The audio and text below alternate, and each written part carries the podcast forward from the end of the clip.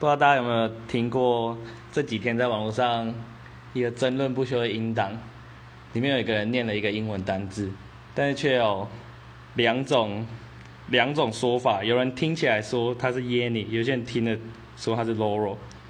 然后就有人去分析说是因为有些人听不到频率太高的声音，所以有些人听起来就是耶尼，有些人听起来就是 Loro。那我就有点好奇，我想在这边放给大家听看看，不知道这边大家听起来是耶尼还是 Loro 呢？那我现在播放一次给大家听哦。耶尼，耶尼，